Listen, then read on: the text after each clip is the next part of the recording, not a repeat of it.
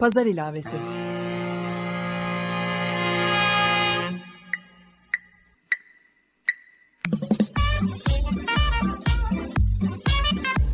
...1936'dan günümüze 80 yıllık bir zaman tüneli. Hazırlayan ve sunan Didem Özbek.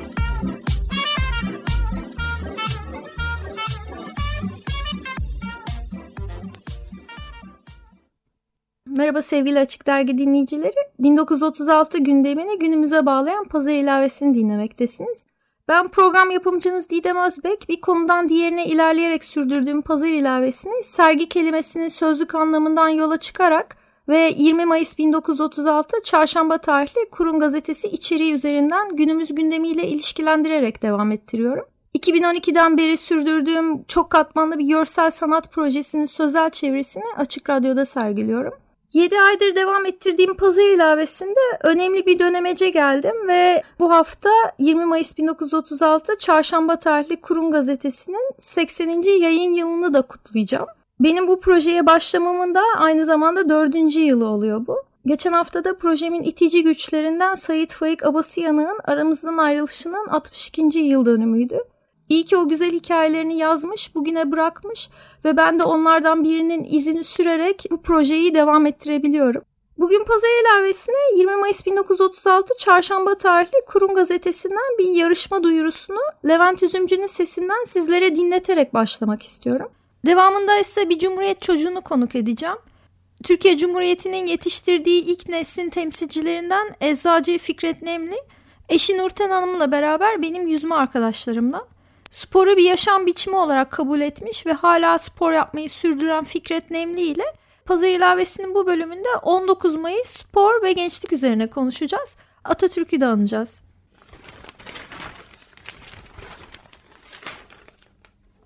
Kurun İstanbul Çarşamba 20 Mayıs 1936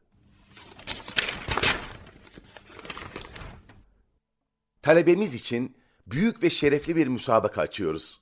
İnkılap çocukları için hazırladığımız bu müsabakanın işte yüksek mevzuu. Atatürk ve 19 Mayıs. Değerli Türk çocukları, dün 19 Mayıs'ı, 919 yılının 19 Mayıs'ını Büyük Atatürk'ün Samsun'a ayak bastığı günü kutladınız. Bugün dinç kollarınız, ateşli gözlerinizle kucakladığınız o günle bugün arasında 16 yıllık bir zaman dilimi var. Belki bir kısmınız o gün daha dünyaya gözlerinizi açmamıştınız bile.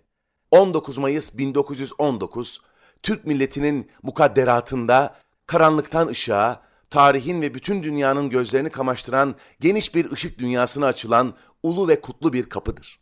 Tarihin ebediyen en üstünde taşıyacağı bir mucizeler kitabının ilk sayfasıdır ve sizler bu yepyeni ışık dünyasının ilk mesut çocuklarısınız. Dünyanın hiçbir çocuğuna böyle büyük bir inkılap içinde doğmak, böyle parlak bir ışık altında büyümek, böyle büyük bir saadet duymak mümkün olmamıştır. Bu itibarla duygularınızın bütün dünya çocuklarının duygularından daha başka, daha çok başka olması gerekir. Dünyanın en şerefli günleri içinde doğmak ve büyümek saadetine erişen Türk çocukları. İşte sizden biz bu duyguların tespitini istiyoruz ve size soruyoruz. Türk inkılabı tarihinin başladığı 19 Mayıs günü size ne anlatıyor? Ulu önderimiz Atatürk size ne ilham ediyor? İmtihanlarla meşgul olduğunuzu bildiğimiz için size Haziran sonuna kadar mühlet veriyoruz. Yazılarınız 100 kelimeyi geçmemeli, daktilo ile yazılmış olarak Haziran sonuna kadar gazetemiz Yazı İşleri Müdürlüğü'ne gönderilmiş olmalıdır. Bu şerefli müsabakaya gönderilen yazılardan beğenilenleri sırasıyla neşredeceğiz ve gene size reyinize müracaat etmek suretiyle birinciden onuncuya kadar derece tayin ettireceğiz. Derece alanlara dereceleriyle münasip hediyeler vereceğiz. Onuncudan ellinciye kadar derece alanların yazılarını da birinciden onuncuya kadar derece almış olanların yazılarıyla beraber yazarların adları ve fotoğraflarıyla birlikte bir kitap, şerefli bir kitap halinde çıkaracağız. Müsabaka kız ve erkek bütün talebemize açıktır. İştirak için hiçbir külfete katlanacak değilsiniz. Yalnız kurun okuyucusu olduğunuzu ispat etmek için bugünden itibaren gazetemizde neşrine başlayan daimi okuyucu kuponunu birlikte getirmeniz kafidir. Daimi okuyucu kuponu 20 Mayıs 1936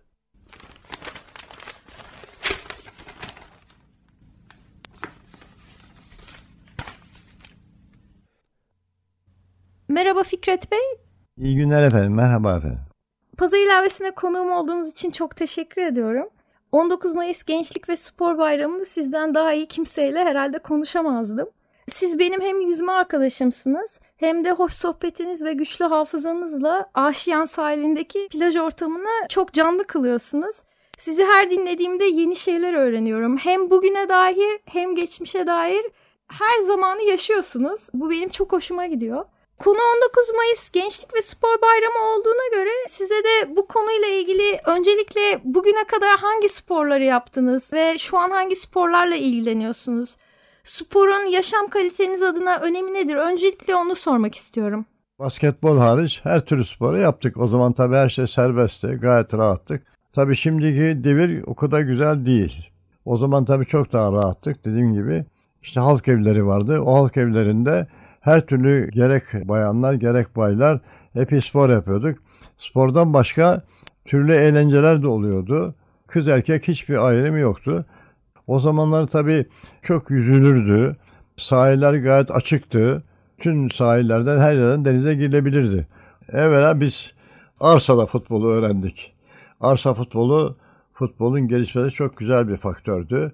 Sonradan tabii işte biraz büyüyünce ve liseye gidince işte Boğaziçi Kulübü vardı Arnavutköy'de.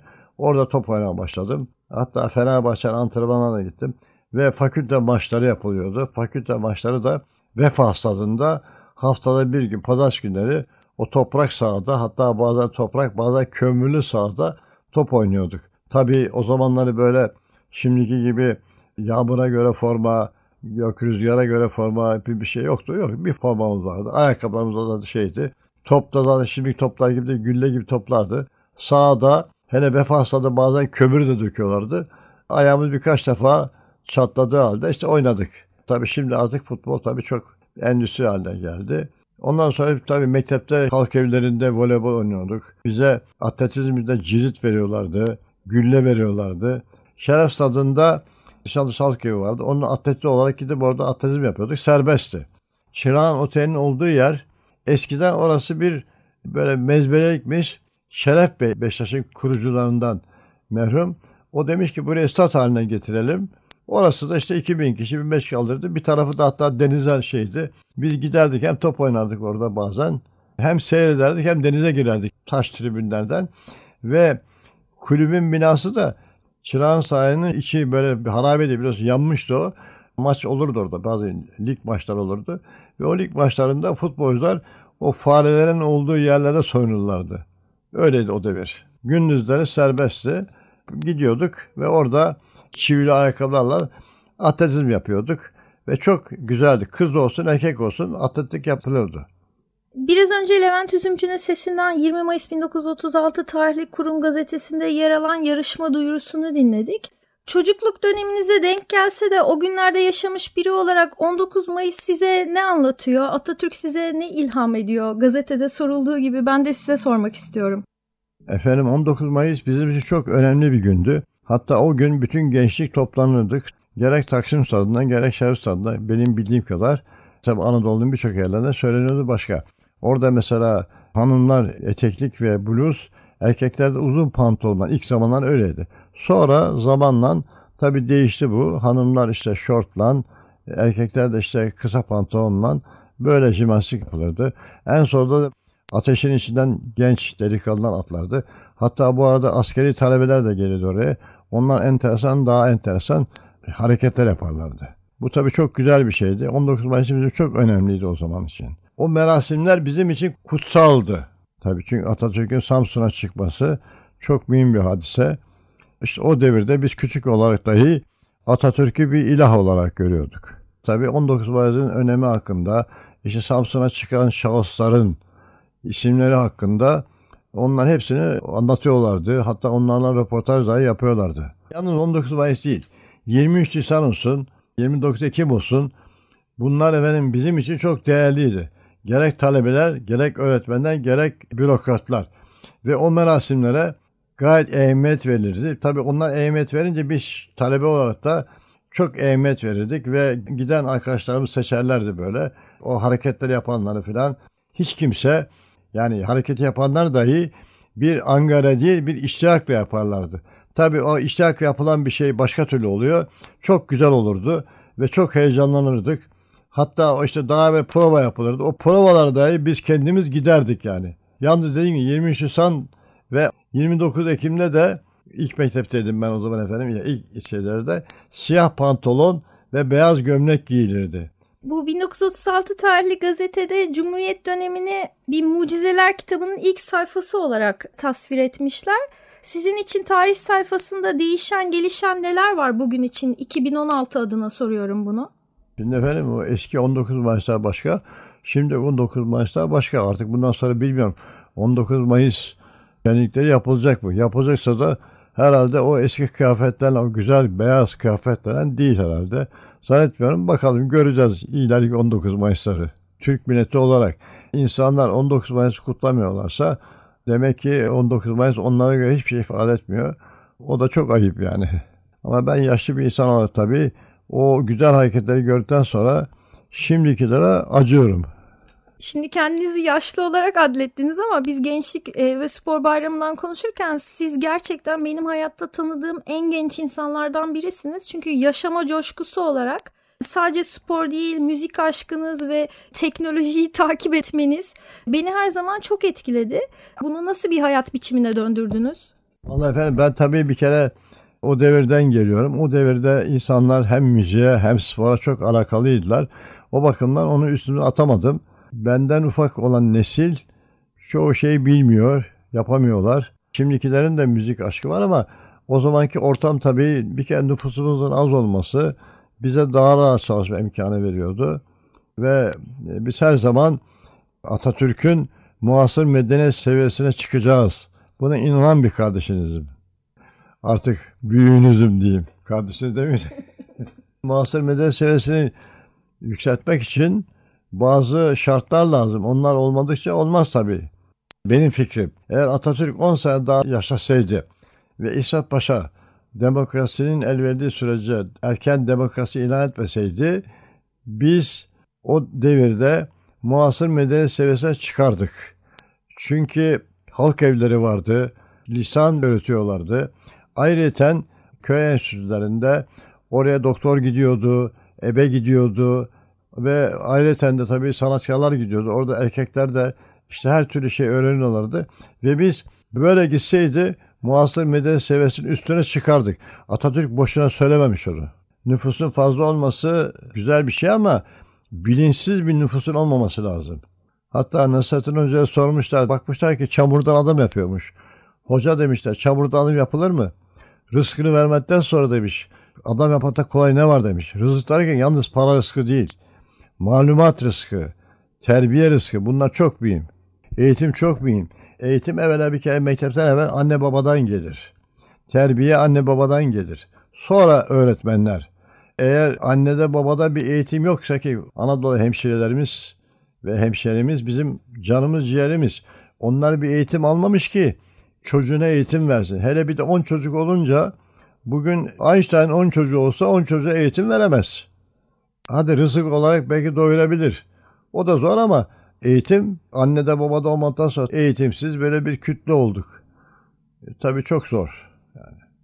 Kurum gazetesinde demin de bahsettiğiniz gibi bir de coşkulu 19 Mayıs töreni haberi var ki onu gelecek hafta ben ele almak istiyorum. Ancak sizinle de bir defasında bu Taksim stadını konuştuğumuzu hatırlıyorum.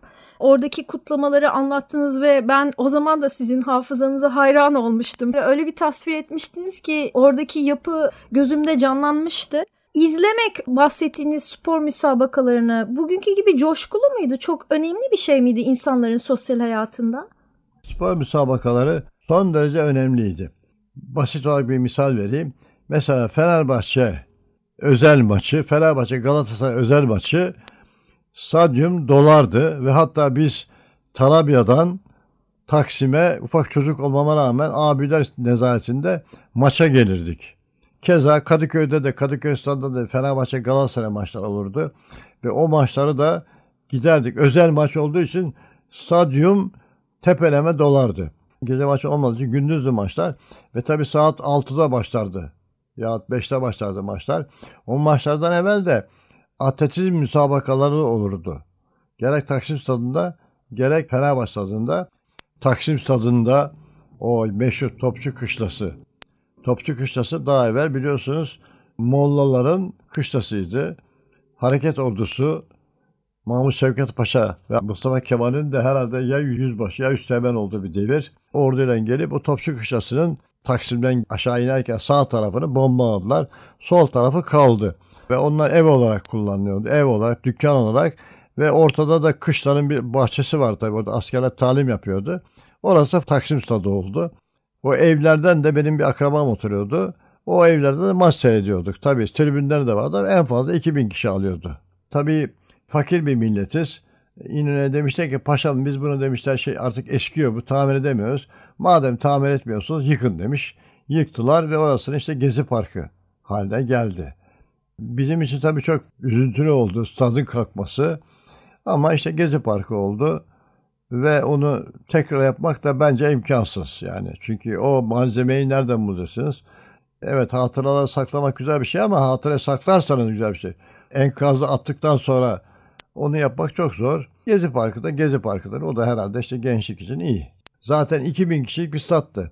Hatta Vali Lütfü Kırdar benim enişteme demiş ki o zaman İnönü stadı yapılıyor işte. Demiş ki 20 bin kişilik falan da yanılmıyorsam 20 bin kişilik bir stat yapıyoruz ama yetecek mi demiş. Şimdi 100 binlik yapmak lazım. Ancak İngiltere'de olsa belki o stat saklanır. Orası bir böyle ananevi bir stat olur orası. Çok mühim maçlarda çok şey olarak olur. Ama orası İngiltere tabii. Zaten bu hafta Beşiktaş'ta şampiyonluğunu ilan etti. Yeni bir statla İstanbul'da bahsettiğiniz 100 bin kişilik statlar gene şehrin merkezinde yapılıyor aslında. Ben efendim Galatasaray mezunuyum ama ben Galatasaray Lisesi'ne 9 sınıfta girdim. O zaman kadar Fenerliydim. Ama biz Fenerbahçe olsun, Galatasaray olsun, Beşiktaş olsun yan yana maç seyrederdik. Birbirimizden takılırdık ama hiçbir zaman böyle kavga, dövüş olmazdı. Hatta biz gol atınca işte onlar üzülürdü. Onlar gol atınca biz üzülürdük ama gene kardeş gibiydik, arkadaş gibiydik. Böyle küfür diye bir şey yoktu. Mithat Paşa stadı, İnönü stadında ki tezahürat şöyleydi. Alçaklara kar yağıyor, üşümedin mi? Sen bu yolun sonunu düşünmedin mi? Bir tek şey buydu efendim. Hiç öyle anneye, babaya, çoluğa, çocuğa küfür yoktu. Yazları Boğaz'da birlikte yüzdüğümüz için bu soruyu soruyorum. Boğaz coğrafyasında diyelim ki bebekte nerede girdap olduğu, nasıl yüzüldüğü, nerede yüzmek gerek, nerede yüzmemek gerek bunların bilgisine de sahip bir kişisiniz. Bu bilgi sizce nesilden nesile nasıl aktarılacak? Ne düşünüyorsunuz bu konu hakkında? Efendim, Türkler denize girmeyi sevmezlerdi. Denizde gezerlerdi. Rus istiladan buraya kaçan Ruslar başladılar mayoyla denize girmeye. Tabii onlar denize girmeye başlayınca o zaman plajda başladı açılmaya. İşte Suadiye plajı, Caddebostan plajı, Florya plajı, Kız Kulesi'nin karşısında da plaj vardı küçük. Çok plajlar vardı ve oradan denize girerdik. Boğaz'dan da her taraftan denize girilebilirdi. Herkesin evinin önü temizdi. Zaten İstanbul nüfusu da ben küçükken 500 bindi. Ben Bebek'te de oturdum aşağı yukarı 40 sene. Nişantaşı'dayım ben ama oradan denize girilirdi. Bütün herkes evin önüne denize girerdi. Hatta sahillerde çok az otomobil geçtiği için delikanlılar asfalta yatarlar ve aileler de evin önünden denize girerlerdi. Tabi sonra nüfus artınca artık evin önünden denize girmek kalktı. Aşiyan plajından başladık biz girme. Eksik olmasın belediye bize iskele de yaptı kanalizasyonu. Denize vermemeye başladılar. Tabii ona da teşekkür etmek lazım belediyemize. Deniz temiz oldu ve Boğaz'ın denizi çok faydalı bir deniz. Bilhassa yaşlar için. Yalnız tabii denize girerken dikkat etmek lazım. Çünkü akıntı var. Denize şaka olmaz ama Boğaz'ın denizi dünyadaki en güzel denizdir. Ben birçok kere denize girdim. Portekiz'de, Atlas Okyanusu'nda falan girdim. Çok güzel bir denizdir ve akıntının vücuda çarpması deveran sisteminin çok faydalı görür. O bakımdan boğaza girmek çok faydalı. Şimdilik aşağıda giriyoruz. Eksik olmasın belediye. Yalnız bir şey söyleyeceğim. Bir memleketin medeniyet seviyesi tuvaletlerinden şeydi. Boğaz'da tuvalet camide var. Tabii çok zor. O bakımdan tuvalet yapılırsa çok iyi olur. Ben de 2014 yılında o bölgede kamusal alan üzerine bir sanat projesi yapmak için Büyükşehir Belediyesi'nden izin ve destek talep ederken belediyenin farklı birimlerine bu talebi iletmiştim. Açıkçası orada bir tuvalet yapmayı hani ihtiyaç olarak görmüyorlardı. Belediyenin gözünde orada bir avuç insan belki yüzüyor. Diğer yandan da bugün belediye para karşılığında hatta akbille e, girebileceğin portatif tuvaletleri şehrin dört bir yanına hizmet olarak sunuyor. Boğaz'da sadece yüzen değil, yürüyen, koşan, bisiklete binen öyle çok insan var ki. Ancak bir kafede oturup bir hani çay kahve minimumda içersen oradaki tuvaleti kullanabilme şansın var. Halbuki çok uzun bir yaya yolu var orada. Umarım bu talebi İBB artık duyar ve yerine getirir. Efendim tuvalet dikkat edin yani Ortaköy'den Sarıyer'e kadar bebek hariç ben tuvalet görmedim. Tekrar konumuza dönelim. Bugünkü hayatınızda peki Atatürk'ün size ilham vermesi devam ediyor mu? Bildiğim kadarıyla Atatürk bu dünyaya gelmiş en büyük lider, en büyük asker. Tabii benim Atatürk'ün meziyetlerini anlatmam için benim bir kere ona günün yetmez. Onun büyüklüğü hakkında bütün dünya neler söylüyor onu pekala biliyorsunuz. Bana en çok dokunan Çanakkale'ye gelen askerlerin bizimle beraber koyun koyun yatması. Bunu hiçbir lider söylemez. Der ki ya benim memleketime gelmişler beni vurmaya gebersinler. Halbuki gelenlerin bir kabahati yok. Askerlik yapacaksın. Orada gidip savaşa deyince kaçamazsın ki. O da onu düşündüğü için bunu hiçbir lider düşünmez. Bence çok mühim. Biz bunu efendim Fransızlara tercüme ettik. Bizim bir Galatasaray abimiz var. Suha Dağ devren. Nisle efendim bunu anlatıyor. Fransa tercüme ediyor. Ben de hanıma anlatıyorum. Hem ben ağlıyorum hem o ağlıyor. Bunu işte dediğim gibi hiçbir lider yapmam, yapamadı. Size Atatürk'le ilgili anlatılmış birçok hikaye olduğunu da biliyorum. Bunlardan birini bizimle paylaşabilir misiniz? Benim tanıdığım Cevat Memduh Altar isimli Atatürk'ün sofrasında bulunan bir büyük müzik otoritesi. Bunu Atatürk o zamanları Viyana'ya gönderiyor. Mesela Cemal Reşit Rey'i Fransa'ya, Adnan Saygın'ın yanılmıyorsam belki onu da Fransa'ya gönderiyor. Bunu da şeye gönderiyor. Viyana'ya gönderiyor ve tahsil yapıyor. Sene 1925-26 yani Cumhuriyet'in yeni kurulmuş bir devri düşünün. Cevat Memduh Ankara'ya geliyor. Belki tatile geliyor, belki mezun olup geliyor. Atatürk rahmetli soruyor. Kim var dışarı gidiyor? Efendim diyorlar Cemal Reşit Rey var, Adnan Saygın var. Belki birkaç kişi daha var. Diyor ki kim var diyor burada var. Efendim diyorlar Cevat Menduh var diyorlar. Getirin onu bana diyor. Tabii Atatürk getirin deyince bitti. Ben de diyor o gün diyor Ankara'ya geldim de Cevat Menduh Altar. Anafarta'da böyle külüstür bir sinemaya gittim diyor. Film seyrediyorum diyor. Derken de bir polis iki bekçi diyorlar ki kim burada Cevat Menduh? Benim. Yürü diyorlar karakola. Şimdi öyle bir vaziyet ki o zaman tabii etraftakilere kötü bir intiba bırakıyorum. Acaba hırsız mı? O zaman tabii böyle terörist falan yok. Yani şeyde Ankara'da bir talebe olarak hırsız falan çok utandım diyor. Dedim ki diyor memura beyefendi beni niye çağırdınız? Bilmiyorum demiş amir seni çağırıyor.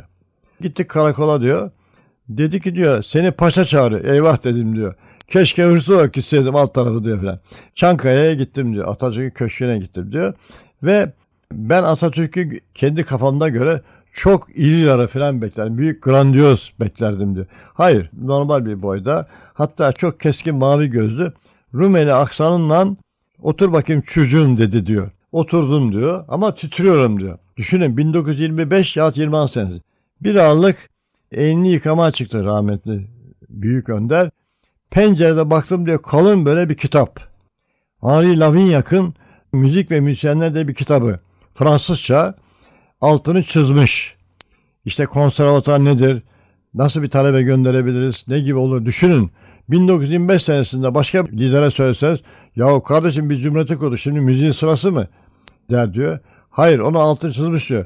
Bu Atatürk'ün büyük müzik dehası diyor. İkinci bir şey anlatacağım. Gene Cevat Memdu alttan. Biz Ant Dağı'ndan geçiyoruz diyor. Ant Dağı'nın yüksekten geçiyoruz. Orada bir otele geldik diyor. Otele geldik resepsiyona diyor. Girdik içeri diyor. Dedi ki diyor adam işte kapıdaki karşılı adam biz Türk'üz demiş. Türk mü demiş. Aa bir dakika bir dakika demiş. Yandaki bütün personeli çağırmış o adam ve Atatürk'ün inkılaplarını valla benden daha iyi anlatı diyor. Düşünün o arada biz Atatürk'ün burada heykellerini yıkıyorduk. Hoş ben orada nöbet tuttum o heykellerde. Taksim abidesinin önünde orada Beyoğlu'na doğru kısımda kenarda böyle işte 10 kişi kadar orada bekliyoruz böyle efendim. Bir saat kadar sıra kadar böyle. İşin enteresanı Ben eczacıyım efendim. Eczacıların gününü şaşırdım. Tutmaya kalktım. Dediler ki çöpçülerin günü bugün dediler. Ben tuttum nöbeti orada. Tabii çok heyecanlı insan orada öyle meşale var. Ve bekliyorsunuz böyle. Son derece heyecanlıydı. İşte Atatürk'e yapabileceğimiz çok basit bir şey işte buydu efendim. Sevgili Fikret Nemli vakit ayırıp pazar ilavesinde konuğum olduğunuz için çok teşekkür ediyorum. Umarım çok yakın zamanda karpuz kabuğu denize düşecek ve boğaz sularında hep birlikte keyifle yüzmeye devam edeceğiz. Efendim bana böyle bir şey verdiğiniz için ben çok teşekkür ederim size. Evet sevgili dinleyiciler bir pazar ilavesinin daha sonuna geldik. Geçmiş bölümlerin podcastini açıkradyo.com.tr ve pazar ilavesi blogspot.com adreslerinden dinleyebilir. Gelecek bölüm içeriğini pazar ilavesi Twitter adresinden takip edebilirsiniz. Pazar ilavesinin gelecek bölümlerinde yüzme sporuna daha fazla odaklanacağım bilgisini de şimdiden paylaşmak istiyorum sizlerle. Ben Didem Özbek hayatının her döneminde 365 gün 6 saat her yaştan kadın, erkek spor yapmaya önem veren ve bu sayede hem fiziksel hem zihinsel sağlığını koruyabilen bir ülkede yaşayabilmek dileğiyle diyorum. 1936'dan günümüze haftaya 19 Mayıs üzerine yeni bir pazar ilavesinde görüşmek üzere.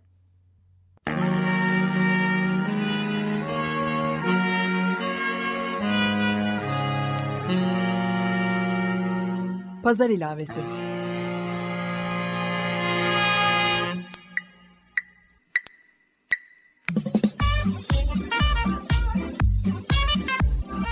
...1936'dan günümüze 80 yıllık bir zaman tüneli. Hazırlayan ve sunan Didem Özbek.